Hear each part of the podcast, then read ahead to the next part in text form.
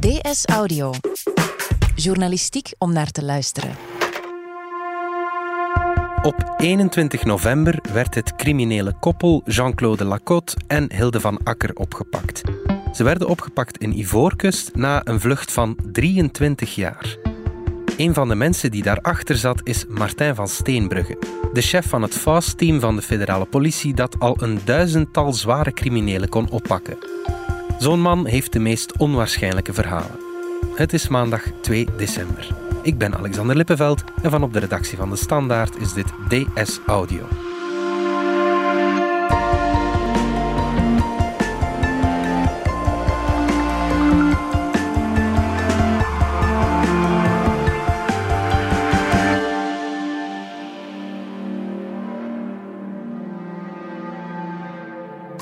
Mark Eekhout, misdaadjournalist eh, van De Standaard. Je hebt vorige week gesproken met politiecommissaris Martijn van Steenbrugge. Hij leidt het FAST-team bij de politie. Wat is dat juist? Wel, het FAST-team is, uh, staat eigenlijk voor Fugitive Active Search Team. Ja. En dat is een, een, ondertussen, denk ik, zeskoppig team dat eigenlijk uh, niets anders doet dan veroordeelde criminelen opsporen. Ja. Dus um, rechtbanken hier in België veroordelen mensen, uh, maar die worden heel vaak ook niet uh, meteen aangehouden of ze zijn spoorloos op het moment van hun veroordeling. En dan is het eigenlijk de taak van dat team om die mensen te gaan zoeken. Ja, voortvluchtige mensen. Voortvluchtige mensen, maar wel veroordeelde ja. uh, voortvluchtige mensen. Ja, oké. Okay. Waarom wilde je Martijn van Steenbrugge nu juist spreken? Wel, um, Martijn van Steenbrugge heeft dat team eigenhandig opgericht mm -hmm. in, in 2000. En we zijn nu 2020 en hij gaat met pensioen.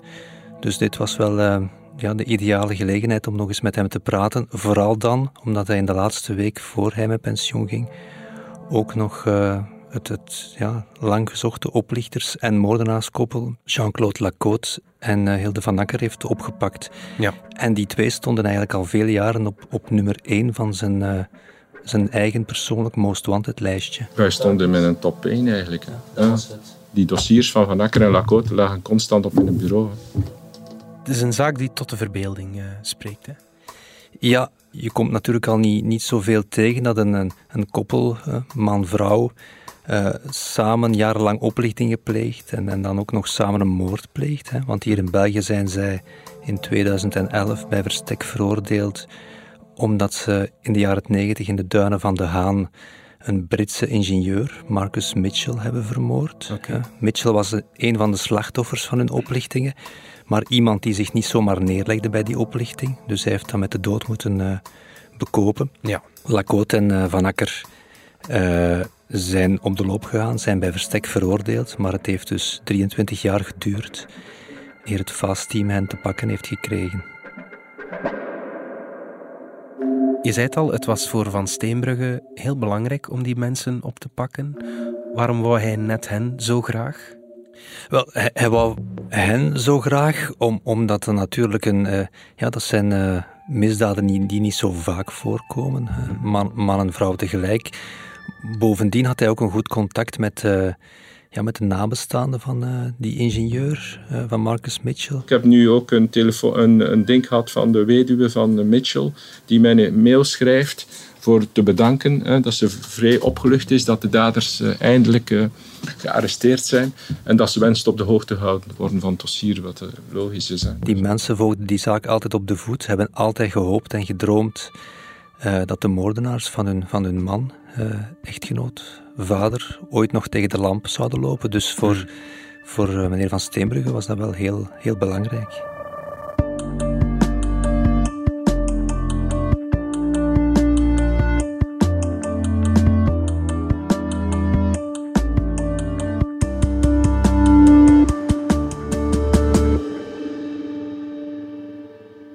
Jij hebt als journalist Martijn van Steenbrugge regelmatig gesproken, Mark. En je beschrijft in uh, je artikel in de krant dit weekend dat een interview met hem altijd een belevenis is, zeg maar. Beschrijf eens hoe dat gaat. Wel, Martijn van Steenbrugge is iemand die, die bezeten is uh, van zijn werk. Hè. Hij zegt zelf ook, hij, hij legt zijn, uh, zijn telefoon nooit weg. Iedereen zegt, ja, ik wil weg van mijn gsm, ik moet mijn gsm hebben. Dan ben ik bereikbaar en dan ben ik op mijn gemak.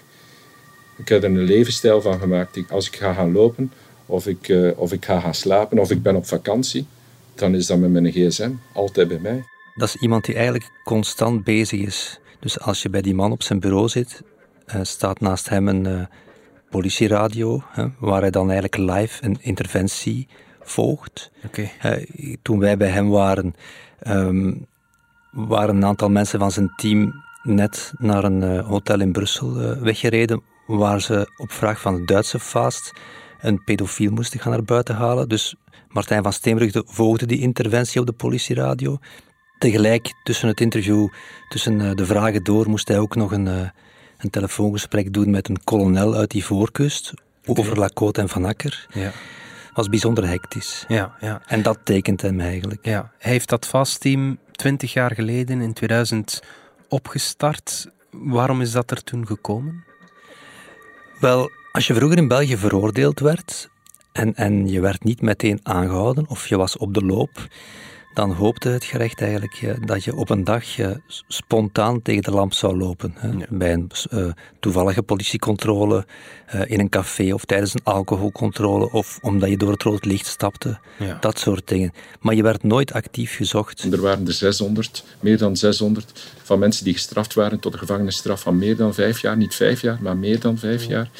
Uh, dat zijn zware criminelen. Dat eigenlijk, die waren nationaal gesignaleerd, daar gebeurde niks mee. Martijn van Steenbrugge vond dat dat een, ja, een lacune was. Hij zag dat dat wel bestond in Amerika bijvoorbeeld, ook in Duitsland, Mhm. maar nog niet zo gesofisticeerd. En hij heeft eigenlijk voorgesteld aan de federale politie om hier in België zo'n team uh, op te zetten. Ja. En het Belgische FAST-team is dan een voorbeeld gebleken voor de rest van Europa. Ja, absoluut. Uh, het Belgisch gerecht en ook het FAST-team dus in België waren al, al jaren uh, lang op zoek naar een uh, veroordeelde moordenaar. Mhm. En die man heette Roef Oedin. Oké.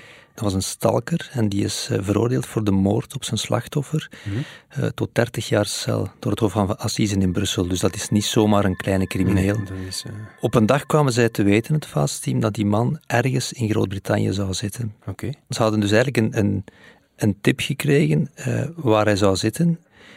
Maar om te achterhalen waar hij exact was, moesten ze ook een rechtshulpverzoek krijgen vanuit Groot-Brittannië. Oké. Maar dat moest binnen de vier uur gebeuren. Ja. Dat lukte echter niet binnen die tijd, omdat de procedures te moeilijk waren, omdat de Belgische politie niet genoeg directe contacten had daar. En het gevolg is dat Roef Oedin die dag is gaan lopen. En Roef Oedin, sinds tien, hebben we hem nooit niet meer teruggezien. En dan hebben we gezegd, kijk, dat kan niet zijn. Hè. Uh, wij moeten overal fast teams hebben, hè. mensen die ons vertrouwen. Niet met die onnozele zever, dat je moet een rechtshulpverzoek. Die mensen zijn internationaal gesignaleerd. Nu, dat heeft Van Steenbrugge, zo zegt hij, zodanig gefrustreerd dat hij het op zich heeft genomen om, om eigenlijk een, te proberen van een, uh, ja, zo'n vastproject op te zetten over heel Europa. Hij heeft, heeft uh, een heel aantal politiemensen uitgenodigd in Brussel met budget van de federale politie. Hij heeft hen uitgelegd wat het Belgisch project was. Hij heeft het eigenlijk voorgesteld. En zo ja, zijn eigenlijk verschillende Europese landen ook meegestapt in dat project. En het resultaat nu, vandaag, is dat er in uh, alle landen van de EU een, een fast-team is. En die teams die kunnen eigenlijk ja, bijna direct online met elkaar bellen. Hè. Als er een, een, een Poolse crimineel gezocht wordt in België en de Polen weten waar hij zit, ja, dan bellen die naar het team van Martijn van Steenbrugge en zeggen ze van zeg, Hmm. wij hebben hier eentje zitten, hij zit in dat hotel in Brussel, kunnen jullie hem gaan halen? Ja. En binnen het uur staat daar iemand van de Belgische federale politie. Dus dat systeem verloopt nu onwaarschijnlijk vlot, ja. vergeleken met tien jaar geleden. Ja, ja. Hoeveel, hoeveel criminelen zijn er zo al opgepakt? Uh? Uh, Martijn van Steenbrugge heeft een rekensommetje gemaakt. We hebben altijd een gemiddelde de laatste jaren van 50 per, per jaar, ene per week. En op die 20 jaar dat Martijn van Steenbrugge heeft gewerkt, zijn dat er dus duizend. Ja. Hè? Ja. Hij, hij, zegt zelf altijd dat zijn twee gevangenissen vol. Ja, dat is indrukwekkend. Dat is indrukwekkend, absoluut. Mm. Nu, er staan vandaag nog altijd 1800 mensen op uh, de lijst van uh, voortvluchtige criminelen. Ja. Dus het is wel indrukwekkend, maar aan de andere kant... Uh, het werk is nooit gedaan. Het werk is nooit gedaan en de aanvoer blijft komen.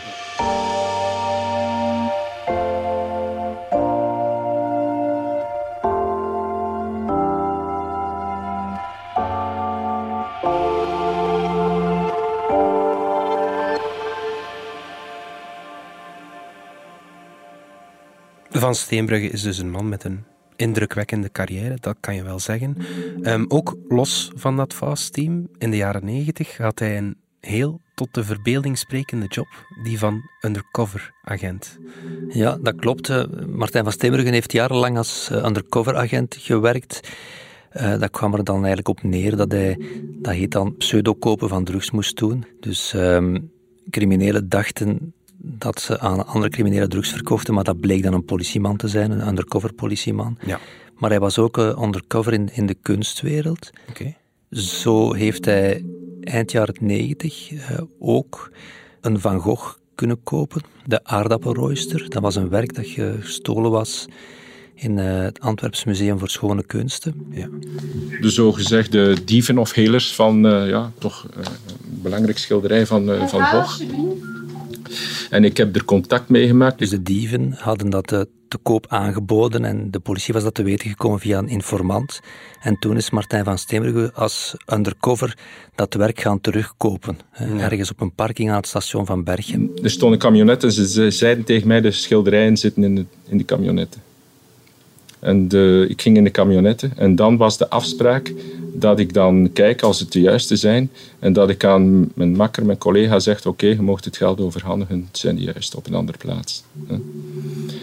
En uh, op het moment als ik dan zeg je mocht het geld overhandigen, is dat eigenlijk het teken dat de GSO, de groep verschaduwing en observatie, ons observatie-arrestatieteam, moet ingrijpen om te arresteren. Dus ik telefoneer met mijn gsm in de camionetten om te zeggen: Oké, okay, dat is goed, de, de Van Gogh is uh, authentiek, je kunt het geld overhandigen. En dan wil ik buiten gaan, maar de, de camionette was op slot. Ik zie de GSO afkomen uh, voor het arresteren, maar ze kunnen niet binnen. De camionet is op slot.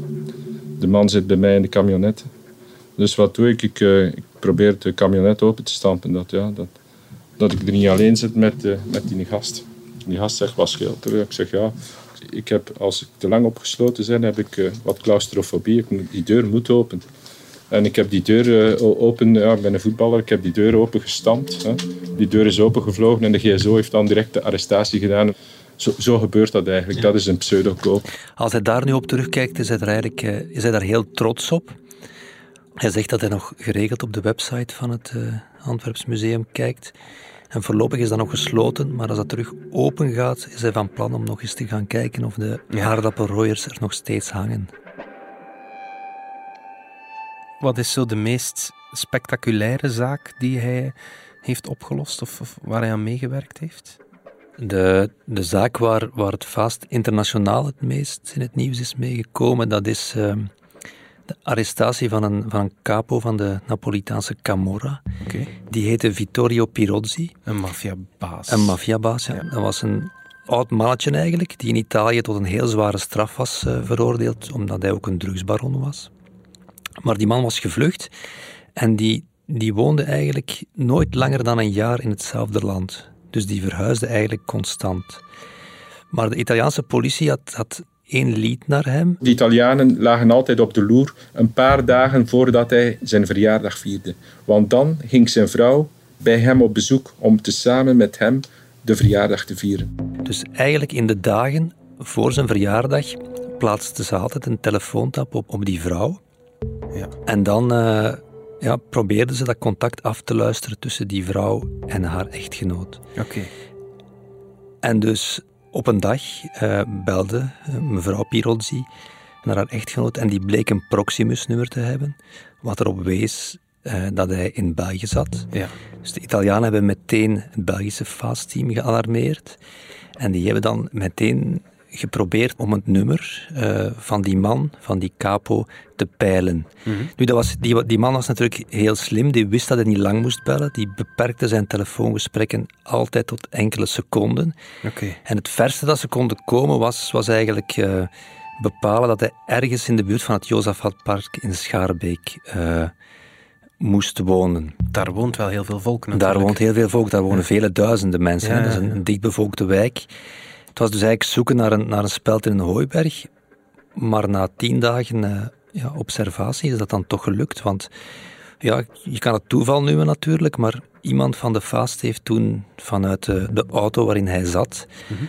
een man zien lopen, een kleine man met een baseballpet. En er passeerde een koppel. De man had een baseballpet op en de vrouw had een blonde paardenstaart en mankte met het rechterbeen. En dat hadden de Italianen gezegd. De vrouw heeft altijd een blonde paardenstaart en mankt met het rechterbeen. En ze waren voorbij zijn auto gekomen. Hij hoorde Italiaans spreken en hij zag dus de vrouw heeft ze gevolgd en ze gingen binnen in de straat op de nummer 47, gebeld ons op en we hebben gezegd we gaan onmiddellijk tussenkomen. En toen ja, was natuurlijk meteen bingo. Hè. Ze zijn daar uh, met man en macht binnengevallen. Wij kwamen toen met, met vier auto's of zo en de Italianen erbij. En iedereen was door de venster aan het kijken, ja, met die een helikopter die zo laag hangde. En de, op de tweede verdieping uh, zat, zagen, zagen we inderdaad een vrouw met blond haar en een andere daarnaast door de venster kijken. En ik zeg tegen de Italianen, is dat Vittorio Pirozzi? En die Italianen keken naar boven en zeiden, ik zeg, ja, dat gaat hier schoon zijn, dat zo'n actie. Politie. Hele Hans met kolonnen met uh, blauwe lichten en zo. Ja, we vallen binnen direct naar boven. Pirozzi werd gearresteerd en, en ja, Martijn van Steenbrugge zegt er altijd over. Ja, bij grote criminelen gaat het zo, als ze gepakt zijn, maken ze geen problemen. Hm. Dan zeggen ze, allez, in zijn geval was het dan, ik ben Vittorio Pirozzi, neem mij maar mee. Dat heb je met grote crimineel. Ze weten uh, hoe laat dat is. Ze kunnen uh, winnen, maar ze kunnen ook verliezen eigenlijk. Van Steenbrugge heeft dus wel heel wat voortvluchtige criminelen kunnen pakken in zijn carrière. Valt er een patroon te zien na twintig jaar ervaring in wat de zwakke plekken zijn van die criminelen? Wel, wat hij zegt is dat, dat criminelen in de eerste maanden, eh, weken van hun ontsnapping kunnen ze zowat overal terecht. Hè. Ze gaan bij vrienden slapen, bij verre kennissen van vroeger, uh, bij hun vriendin, bij hun vrouw. Hmm. Maar uiteindelijk, uh, op het einde van de rit, is er eigenlijk altijd maar één persoon waar ze voor altijd kunnen terechtkomen. En dat is uh, hun moeder. Oké. Okay. De moeder laat haar kind nooit achter, nooit. Zelfs is het, heeft hij de gruwelijkste misdaden gepleegd, hij gaat, ze gaat ze nooit achterlaten. Nooit. Ja. Dat zijn dan ook de dingen waar mensen van vast rekening mee houden, natuurlijk. Ja. Als er voortvluchtigen zijn, uh, kijk naar de moeder. Kijk naar de moeder. Ja, ja. oké. Van Steenbrugge heeft altijd gezegd dat hij niet zou rusten voor hij Van Akker en Lacotte te pakken had. Nu hij met pensioen gaat, gaat hij dat dan wel doen? Ja, uh, inderdaad. Hij gaat met pensioen. Maar stilzitten zal er niet in zitten, want hij gaat ja, uh, bij zijn broer Walter van Steenbrugge, de advocaat, werken. Uh, Martijn gaat eigenlijk uh, ja, een soort voetbalmakelaar worden. Hij gaat, okay, ja. hij gaat de carrière van jonge sporters begeleiden. Maar goed, hij is op een indrukwekkende manier kunnen afzwaaien. Absoluut. Als, en hij heeft in elk geval een, een heel boeiend professioneel leven achter de rug. Ja, dat is het minste dat je kan zeggen. Ja, goed. Mark Eekhout, dankjewel. Dit was DS Audio. Wil je reageren? Dat kan via dsaudio.standaard.be. In deze aflevering hoorde je Mark Eekhout, Martijn van Steenbrugge en mezelf Alexander Lippenveld. Ik deed ook de redactie samen met Fien Dillen. De eindredacteur is Anna Korterink. Pieter Schrevens deed de audioproductie. Brecht Plasgaard schreef de muziek die je hoorde in deze podcast. Chef audio is Wouter van Driessen. In de show notes van deze aflevering vind je een link naar het artikel van Mark. Vond je deze podcast interessant? Weet dan dat je er elke werkdag in kunt beluisteren.